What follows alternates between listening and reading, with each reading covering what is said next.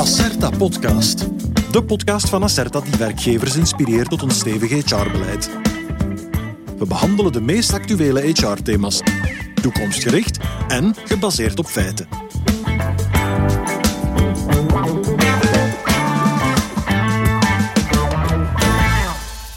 De coronacrisis zorgt voor woelige en moeilijke tijden. Er zijn 180.000 jobs van tijdelijke werklozen bedreigd, volgens een enquête van Economic Risk Management Group.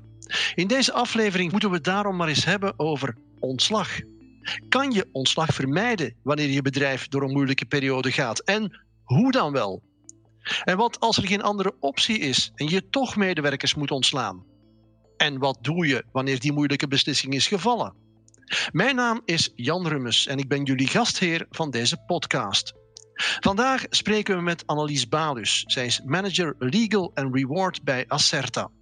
Dag Annelies, dankjewel om hier vandaag virtueel aanwezig te zijn. Dag Jan. Het zijn onzekere tijden, Annelies. Eh, de coronacrisis is hard aangekomen bij heel wat bedrijven. Wat zijn uw grootste bezorgdheden vandaag? Het is inderdaad zo dat de coronacrisis uh, een grote impact gehad heeft uh, in België op onze economie en, ook op onze bedrijven natuurlijk. Uh, we hebben eind april met Acerta bij een vijftal, vijfhonderdtal werkgevers gepolst naar de impact van die crisis en naar hun grootste uitdagingen. En daaruit blijkt dat 34 procent van de respondenten zich toch genoodzaakt zal zien om behoorlijk ingrijpende maatregelen te gaan nemen. En we zien dat dat dan vooral gaat over kostenbesparing. Uh, net geen 70% van de werkgevers wil, uh, wil gaan kosten besparen. Ja, als je het hebt over kosten besparen, over welke kosten zou dat dan kunnen gaan?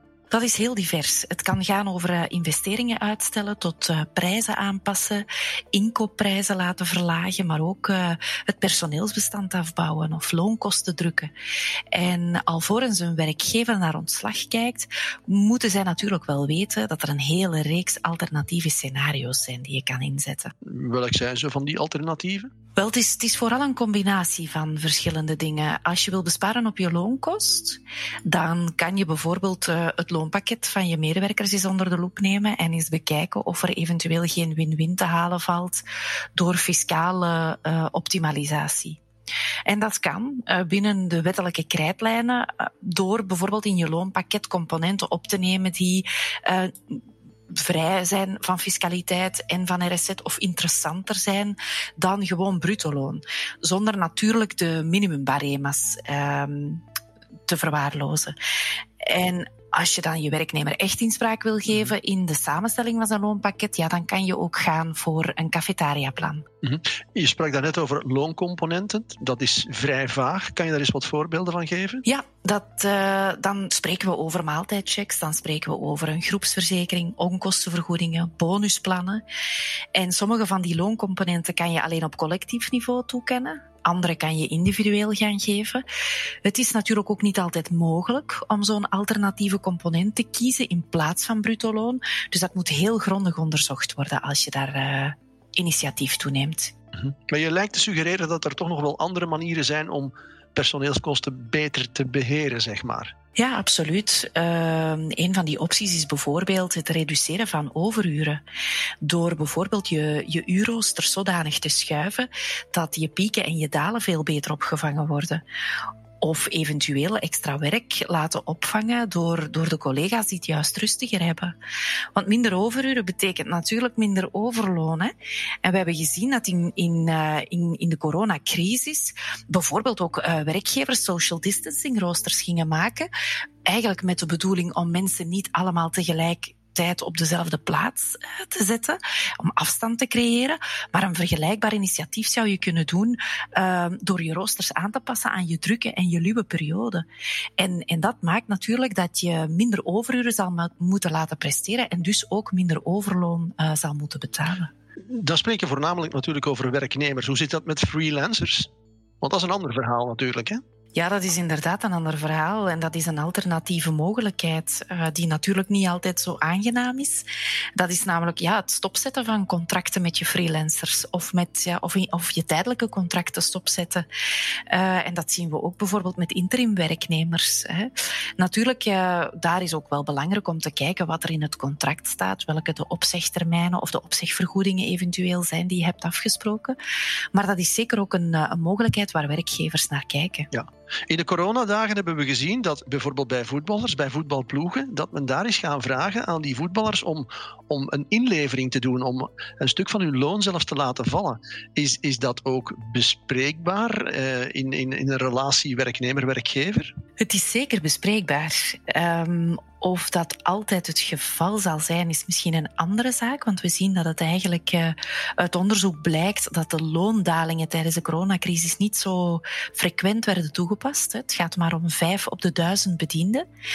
Maar uh, natuurlijk um, begint alles met een, met een goede communicatie. En als je heel open en transparant communiceert over de situatie waar het bedrijf doorgaat, ja, dan zien we wel, wel heel vaak dat, uh, dat werknemers wel, wel begrip hebben en dat ze ook eh, bereid zijn om hun duit in het zakje te doen.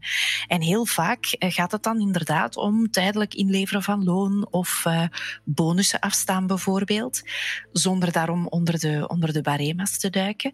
Maar um, Vaak wordt ook gevraagd of werknemers bijvoorbeeld een tijdje deeltijds willen werken. En um, zolang je dat bespreekbaar en transparant doet, denk ik wel dat er een, een, een opening is. Ja. Maar dan hebben we het gehad over loonkost. Het kan natuurlijk ook gewoon zijn dat er niet genoeg werk is voor iedereen. Zijn, wat zijn de opties dan voor zo'n werkgever? Ja, absoluut. Hè. We hebben dat zeker gezien de laatste maanden in een aantal sectoren waar het werk quasi volledig wegviel. En natuurlijk is dan onze eerste oplossing tijdelijke werkloosheid wegens overmacht. Hè. Dat is een maatregel die de regering zeer snel genomen heeft. Werkgevers hebben daar ook massaal gebruik van gemaakt. Um, vaak zagen we zelfs dat werkgevers bereid waren om een stukje van het loon dat werknemers daardoor verloren, uh, zelf in te halen. Uh, bij één op de tien werknemers werd dit gedaan. Maar tijdelijke werkloosheid was zeker een van de, van de meest gebruikte maatregelen. Mm-hmm. En daarnaast uh, zou je ook creatief kunnen zijn met arbeidsduur.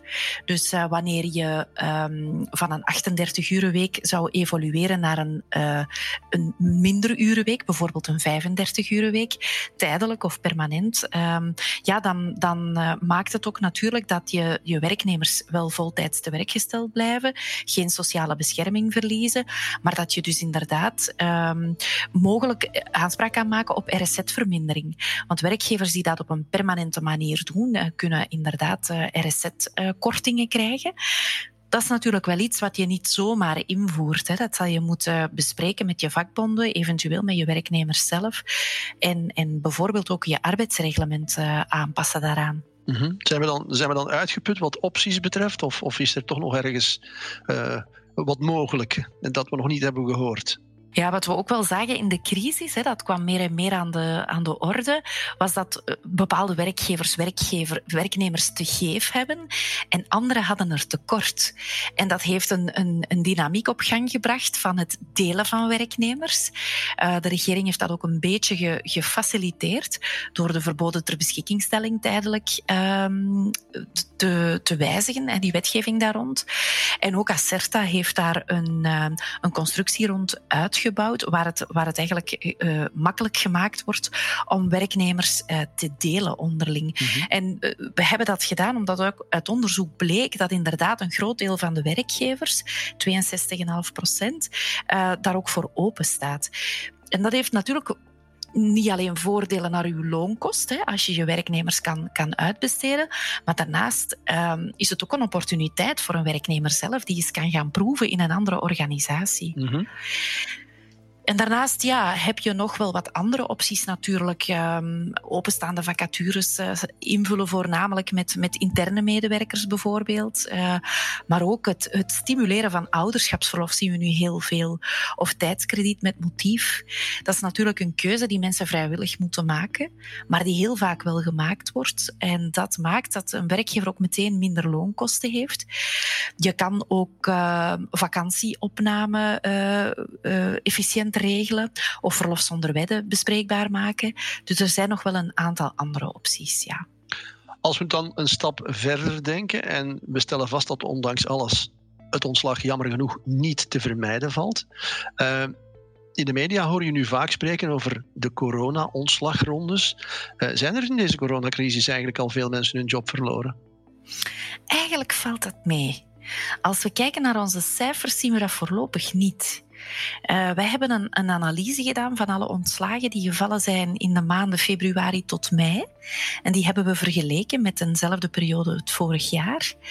En dan zien we dat er gemiddeld 15,6% minder ontslagen zijn gevallen in volle corona dan het jaar voordien in dezelfde periode. Dus eigenlijk um, zien we wel dat door het gebruiken van dat systeem van tijdelijke werkloosheid, waar we het daarnet over hadden, en waar heel veel werkgevers toch gebruik van gemaakt hebben, dat dat mogelijk een verklaring kan zijn voor het feit dat, dat, dat eigenlijk die, die ontslagrondes uh, toch, toch niet echt gevolgd zijn. Mm -hmm. En um, ja, het, het, feit dat dat systeem nu gaat verlengd worden tot 31 augustus, gaat er nog aan bijdragen natuurlijk, hè, want dat geeft een beetje ademruimte aan de bedrijven. Ja, als je dan toch moet ontslaan, hoe pak je dat dan best aan? Waarop moet je als werkgever letten? Ja, het is heel belangrijk om eerst alles goed in kaart te brengen. Hè. Dus uh, je gaat een, voor jezelf eerst een, uh, een, een, soort checklist moeten maken van welke werknemers het bedrijf bijvoorbeeld zouden moeten verlaten. Wanneer dat, dat zou moeten gebeuren, hoeveel je er zal moeten laten gaan. En dan kan je daarbij de volgende vragen stellen, zoals ja, zijn, er, zijn er functies die overbodig zijn geworden bijvoorbeeld? Of uh, op welk niveau moeten we kosten besparen? Waar zitten de kosten vooral? Zijn er, zijn er tijdelijke contracten die we, die we bijvoorbeeld kunnen schrappen, die we niet verder verlengen. En natuurlijk ja, kan je je ook de vraag stellen, moeten we vrijwillig vertrek promoten? Zijn er mogelijk mensen die daar zouden op ingaan? Of zijn er misschien oudere werknemers die, uh, die we graag in, in SWT laten gaan, het, het vroegere brugpensioen? Dus uh, als daar animo voor bestaat in de onderneming, uh, is dat een zeer goede oplossing. Maar dat soort uh, feiten ga je eerst in kaart moeten brengen. Mhm. Ik kan me voorstellen dat je niet zomaar iedereen kan ontslaan. Nee, nee, dat is zo. Um, er zijn zeker wat uh, uh, alarmlampjes die zouden moeten branden als je begint aan, uh, aan een ontslagprocedure. Er, zijn natuurlijk een, een, er is een categorie van werknemers die beschermd is. Hè. Dat zijn werknemers die bijvoorbeeld pas uit zwangerschapsverlof zijn teruggekomen of werknemers die in een stelsel van tijdskrediet of themaverlof zitten. Uh, als je die mensen uh, gaat ontslaan, dan ga je moeten aantonen dat het ontslag niks te maken heeft met het stelsel waarin ze zitten, bijvoorbeeld. Um, natuurlijk, dat is in het algemeen zo. Hè. Uh, als, je, als je wil ontslaan, dan moet je heel goed nadenken over het motief dat je gaat aanhalen om dat ontslag te motiveren. Want dat is in België ook wettelijk geregeld. Je hebt altijd een, een degelijk, uh, objectief motief nodig. Als je dat niet hebt, dan kan je uh, veroordeeld worden voor kennelijk onredelijk ontslag. En dat gaat je dan geld kosten. Mm-hmm. En ja, natuurlijk, tot slot zijn er ook in België wel wat formaliteiten. Um, die ontslagbrief bijvoorbeeld, die, uh, ja, die, die moet op een wel bepaalde manier ter kennis gebracht worden van je medewerker. Mm-hmm. Dat moet dan aangetekend uh, of um, via een deurwaarder en de opzegperiode gaat in de uh, maandag na de week van kennisgeving. Dus dat vraagt toch wel wat aandacht uh, en wat formali formaliteiten die je best uh, niet vergeet. Ja, je hoort af en toe spreken over collectief ontslag. ja, wat, wat, vanaf wanneer spreekt men daar eigenlijk over en waarom is dat onderscheid zo belangrijk? Ja, collectief ontslag heb je eigenlijk als de reden van je ontslag niks te maken heeft met het gedrag of de geschiktheid van je medewerker. Als het puur om een economische uh, reden is. En uh, men spreekt van collectief ontslag als je in de loop van een periode van 60 dagen een welbepaald aantal medewerkers gaat ontslaan. Bijvoorbeeld uh, minstens 10 werknemers in ondernemingen met minder dan 100 werknemers. Uh, dus men gaat eigenlijk per grootte van onderneming een minimum aantal werknemers moeten ontslaan om te kunnen spreken van collectief ontslag. Waarom is dat dan belangrijk? Wel, als je een collectief ontslag hebt, dan heb je een wettelijke procedure te volgen. En dan is soms ook een bijkomende vergoeding van toepassing. En in sommige sectoren uh, bestaat er zelfs al een specifieke procedure die je moet volgen als je meerdere werknemers tegelijkertijd ontslaat, zonder dat je eigenlijk kan spreken van collectief ontslag. Dus dat zijn natuurlijk uh, zaken waar je rekening mee moet houden, die je zuur kunnen opbreken als je, als je dat uh, miskent. En daarom is het heel belangrijk om na te gaan welke regels gelden in mijn sector ontslag. En dan spreek ik over één of meerdere, maar dat is nooit een goed nieuwsshow. Uh, dat creëert vaak wat, wat spanning en ongerustheid in een onderneming. Hoe reageer je daar best op eigenlijk? Ja, dat creëert zeker spanning. Hè. Niet, niet, niet in het minst bij de mensen die achterblijven natuurlijk, want zij maken dat ook heel bewust mee. Dat is een collega die vertrekt communicatie is altijd key. Uh, en, en, daarbij zijn twee uh, zaken heel belangrijk. Dat is timing en ook transparantie. En timing uh, is belangrijk in de zin dat je best zo snel mogelijk communiceert aan je achterblijvers. Want dat gaat natuurlijk nooit zomaar uh, onopgemerkt voorbij. En als je niet onmiddellijk communiceert, gaat de tamtam uh, zijn werk doen in de wandelgangen. En dat wil je niet. Hè. Je wil uh, je eigen verhaal kunnen brengen uh, als werkgever. En dus is het heel belangrijk om tijdig ook dat verhaal te brengen naar de werknemers. -hmm. Daarnaast, ja, transparantie. Het woord zegt het zelf. Helder, helder communiceren en moeilijke boodschappen vragen en heel heldere communicatie. Zeg waar het op staat. Uh, vertel ook wat je weet. Uh, dingen die je niet weet, zeg daar ook uh, van dat je ze niet weet. En als je niet zeker bent dat het bij één ontslag gaat blijven, zeg dat dan ook niet. Want onze ervaring leert dat werknemers het veel beter kunnen appreciëren dat je eerlijk bent, dan dat je um, ja, met fluwele handschoenen communiceert en nadien je communicatie gaat moeten bijsturen. Ja. Dus het is eigenlijk ook een vorm van respect naar je, je achterblijvers. En als dat allemaal toch niet helpt en er toch negatieve reacties zijn, wat doe je dan? Ja, dan is het een kwestie van. Um, ja, je, je gaat een aantal dingen moeten inzetten. Hè.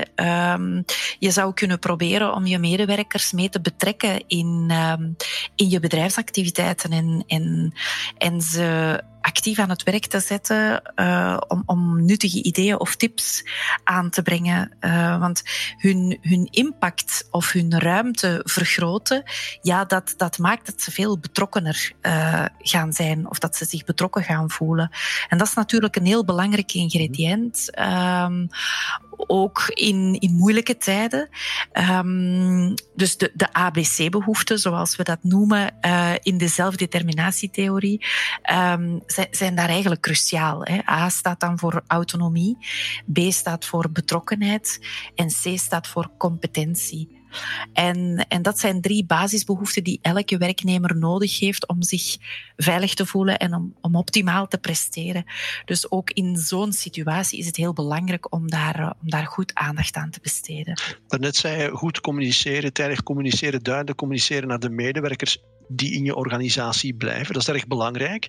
Uh, maar moet je eigenlijk ook nog communiceren met de personen die, die, uh, of persoon die je bedrijf moet verlaten? Ja, absoluut. Um, waarom? Omdat we natuurlijk. Uh, we, kennen allemaal de, de apps zoals Glassdoor enzovoort. Hè. Dat zijn, dat zijn uh, portalen waar mensen ook uh, reacties achterlaten als ze een, een onderneming verlaten hebben. Uh, dus het is zeer belangrijk dat je dat, je dat ook in een, in een goede verstandhouding doet, dat afscheid nemen. En daarnaast blijkt ook uit onze eigen Talent Pulse bevraging van dit jaar dat 27% van de ontslagen werknemers open staat om terug te gaan naar hun ex-werkgever. Dus het is ook zeer belangrijk om dat contact heel goed te houden. En um, als er een goed contact was tussen werkgever en werknemer, dan zou zelfs 54% een terugkeer zien zitten. Dus dat is zeer belangrijk, die offboarding, omdat je heel vaak die mensen nog gaat terugzien. Of misschien later terug nodig hebt en daar heel graag terug beroep op wil doen. Ja. Op welke manier kan je dat in, in de praktijk toepassen, die offboarding? Ligt dat eens een beetje toe? Ja, uh, offboarding is een, is een uh, mooi woord eigenlijk voor een, voor een proces dat je opzet om ervoor te zorgen dat het vertrek van iemand goed verloopt. En wat daar bijvoorbeeld onlosmakelijk deel van uitmaakt, is een exitgesprek. En dan uh, krijgt je werknemer de kans om, om te reflecteren op de periode die hij voor jou gewerkt heeft.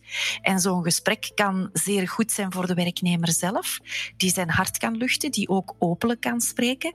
Maar dat kan ook enorm interessant zijn voor een werkgever, omdat dat heel vaak inzichten oplevert die je anders niet krijgt van werknemers die nog in dienst zijn. Mensen zijn vaak veel vrijer om te spreken als, eh, als de arbeidsrelatie toch eindigt.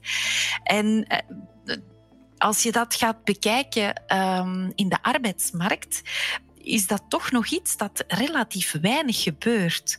Als we zien dat, dat uh, niet eens de helft van de mensen die uh, ontslagen worden een, een, een degelijk exitgesprek krijgen, dat is eigenlijk een gemiste kans. Want dat maakt dat je die werknemer niet op een, uh, op een, op een fijne manier het bedrijf kan laten verlaten. En dus wordt dat ook geen ambassadeur voor jou. Ja, iemand die het bedrijf verlaat en ambassadeur wordt, dat moet je me toch even uitleggen, want dat lijkt me sterk. Wel ja, dat zijn vaak mensen die natuurlijk een hele tijd in een bedrijf hebben gezeten en het reilen en het zeilen heel goed kennen en door anderen ook aanzien worden als een hele goede bron mm van informatie. Dus uh, zij gaan heel vaak uh, goed kunnen duiden hoe de cultuur in een bedrijf zit, bijvoorbeeld. En dat, dat maakt natuurlijk dat ook potentiële nieuwe werknemers een indruk krijgen van je bedrijf. En dus is, is offboarding ongelooflijk belangrijk voor je employer branding. Mm -hmm. Um, bovendien, als de kans reëel is dat die mensen terug aangeworven worden, um, door het feit dat je terug wat ademruimte krijgt bijvoorbeeld, ja, is het ook zeer belangrijk dat, zij, dat ze nog altijd een ambassadeur blijven van je bedrijf. Want we zien uh, bijvoorbeeld uit een studie dat 1 op de 20 arbeidscontracten met een ex-werknemer worden gesloten. Heb je als werkgever eigenlijk nog verantwoordelijkheden of verplichtingen tegenover een ontslagen werknemer? Ja, absoluut. Het belangrijkste daar is outplacement aanbieden. Hè. Dus uh, in bepaalde situaties is een werkgever verplicht om loopbaanbegeleiding of outplacement aan te bieden aan de ontslagen medewerker. Dat moet altijd gebeuren via een erkend outplacement kantoor. En Acerta is daar al twintig jaar mee bezig. Um, en dan wordt eigenlijk die ontslagen werknemer van A tot Z begeleid in zijn zoektocht naar een nieuwe job. Dat kan gaan van um, ja, psychologische hulp bieden bij de verwerking van het ontslag, want dat mag je zeker niet onderschatten, dat werkt nog even door, tot het bekijken van mogelijkheden uh, voor de toekomst en zelfs praktische hulp bij solliciteren um, of coachings uh, als medewerkers uh, hun, hun talenten willen, willen ontdekken of willen, willen gaan bepalen waar hun nieuwe loopbaandoeleinden liggen. En eigenlijk zijn er kort gezegd vier situaties waarin het verplicht is voor een werkgever om zo'n loopbaantraject of outplacement aan te bieden. Dat is één, wanneer er 30 weken of meer opzeg gegeven wordt. Twee, wanneer de ontslagen medewerker 45 jaar of ouder is en minstens één jaar in dienst is in je bedrijf. Ten derde ook wanneer er uh, sprake zou zijn van medische overmacht, die ingeroepen wordt door de werkgever. En last but not least, in geval van uh, collectief ontslag, dan, uh, dan ben je ook verplicht om loopbaanbegeleiding aan te bieden. Goed, dankjewel om ons op dat vlak bij te praten, Annelies. We zijn veel wijzer geworden. Dank voor het gesprek. En zijn het ook moeilijke tijden voor jouw bedrijf? Bekijk dan zeker het relanceplan van Acerta op acerta.be slash relanceplan. Dit was Acerta Podcast. Abonneer je op de Acerta Podcast voor meer interessante inzichten in nog meer actuele HR-issues of bezoek onze website acerta.be. Reageer ook gerust, want een directe lijn tussen werkgevers en Acerta is de beste garantie voor performante HR. We horen elkaar.